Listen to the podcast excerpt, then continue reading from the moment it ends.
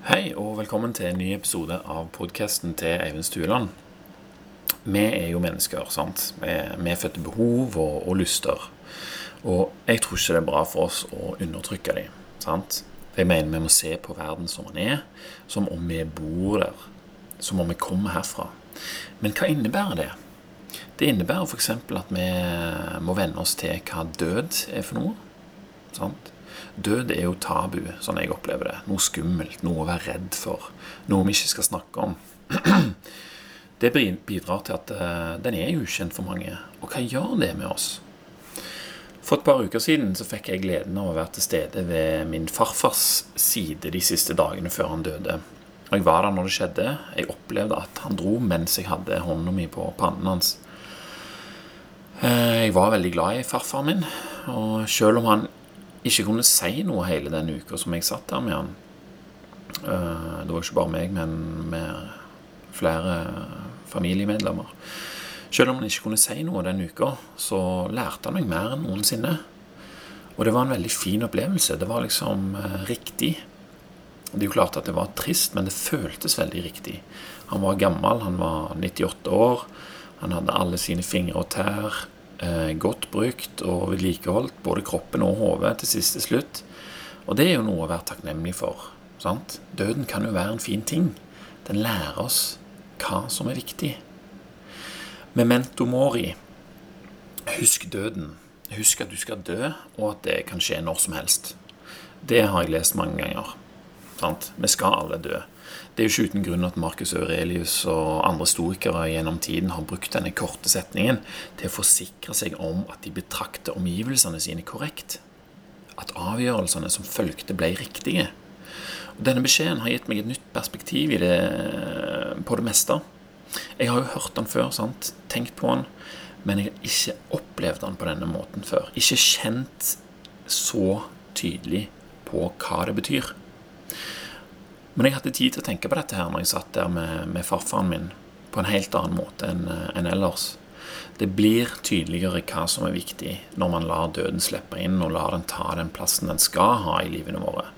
Alt vi driver med, tenker på og føler, handler om å leve. Sant?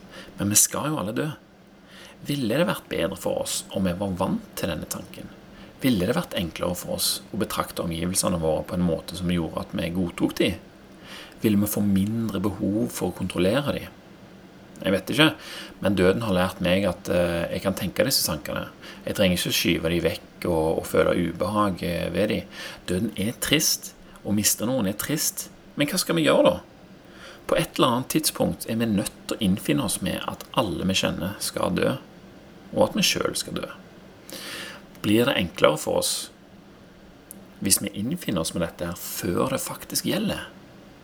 Hvis vi kjenner til døden og er klar over at han vil komme, både brått og uventa, eller når tiden er inne. Farfar han valgte det sjøl. Han fikk lungebetennelse en gang for mye. Han sa han var trøtt, ville ikke ha medisin. Han slutta å spise, og så døde han ei uke seinere.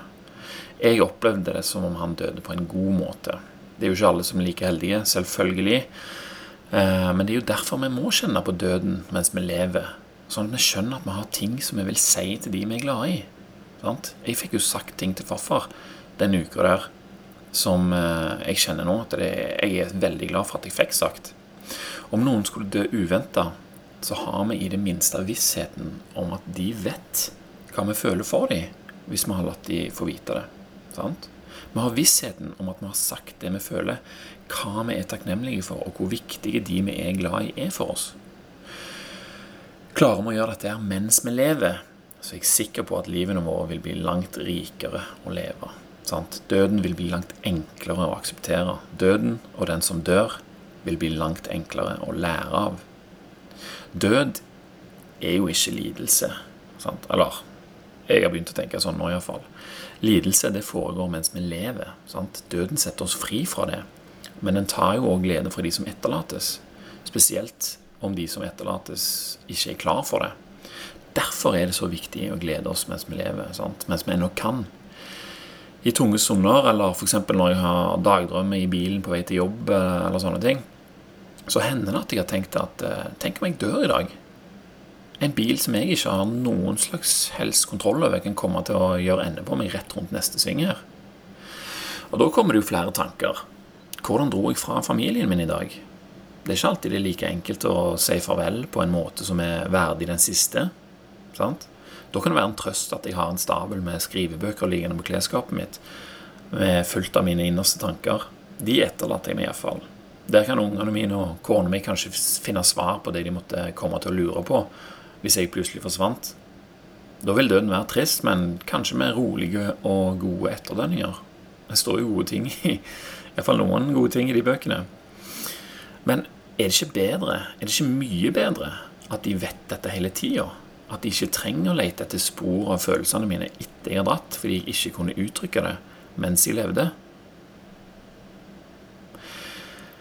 De gangene jeg har følt at jeg har hatt en bra morgen når vi har prata og ledd og rett og slett hatt det bra, så tenker jeg at om det skulle skje i dag, så har jeg etterlatt meg familien med en god morgen å huske tilbake på. Og det gir en god følelse.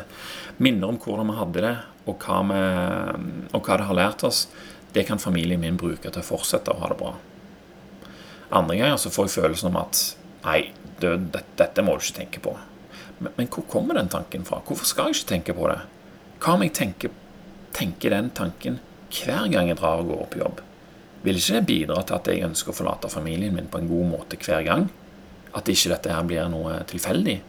Vil ikke den tanken, hvis jeg har gjort noe med den, gjøre at jeg kan være fornøyd og avslappa? Vil ikke den tanken gjøre meg i bedre stand til å si de tingene som jeg egentlig vil si, men som kan være vanskelig å uttrykke uten at noe står på spill? Jeg tror det. Jeg tror det hjelper på å ta de riktige avgjørelsene, og det mens jeg er spillevende. Sånn jeg ser det, så har vi satt oss i en posisjon der lidelse er prisen vi betaler for ikke å la oss kjenne på døden. For noen så ble jo dette katastrofalt idet pandemien kom, og det var mange som ikke fikk tilbrakt den siste tiden med, med de de var glad i. For en tragedie det er. Altså Tanken på at så mange gamle har måttet dø alene de siste to årene, og at så mange pårørende ikke har fått oppleve det fine ved denne her prosessen, at de sitter igjen uten å ha fått tatt farvel, det er vel en av de tingene vi har betalt for gjennom denne tiden. Og dette presset her, denne ideen om at det skal være greit å ofre noen av de unge og friskes glede for å spare de svakeste for døden, som likevel snart skal komme, er jeg ikke enig i lenger. Spesielt ikke når de heller ikke får muligheten til å dø med sine nærmeste til stede. Samuel? Det er lett å være etterpåklok, men det er fortsatt viktig å uttrykke dette. Jeg vet ikke hvordan vi ellers skulle gjort det, men hvis vi ikke tør å si disse tingene, så er jeg redd for at vi kommer til å fortsette at dette blir like selvfølgelig som alle andre evolusjonære mismatch-fellene vi går i. Nei, Ole han må dø alene. Familien må ta farvel på FaceTime. Vi vil jo ikke at eh, Karsten skal bli forkjøla og dø noen måneder før hun egentlig kunne ha dødd. Hvor redde har vi vært for dette her, uten at det egentlig var nødvendig? Hvor mange har sittet, har sittet alene og vært redde? Vi er ikke i stand til å se at vi går i denne fellen her, og vi er heller ikke i stand til å se at det koster oss enorm lidelse i lengden med dette som utgangspunkt, hvis vi har lært av dette her, da, er det kanskje ikke så fjernt å tenke at neste gang kan vi gjøre dette her på en annen måte. At vi kan vite at vi ikke er immune mot lidelse i nuet. At vi er sterke nok til å se virkeligheten i øynene. Det kommer et virus, vi vet ikke hva det vil gjøre med oss, eller hvem det vil ta fra oss. Tilbring tid med dine nærmeste, både Ole og Karsten. Si det du vil si. Skvær opp med dine slektninger og fiender. Det kan være siste sjanse. Hvis det er siste sjanse, så har du gjort det eneste riktige. Hvis du får en til, så vil kanskje livet etterpå være rikere og fylt med mer mening. Det er vel ikke sikkert at vi trenger et virus for å få det til heller. Kanskje det holder å la memento mori bli en eh, del av hverdagen vår. Jeg har iallfall tenkt at eh, det skal bli en større del av hverdagen min. Ok.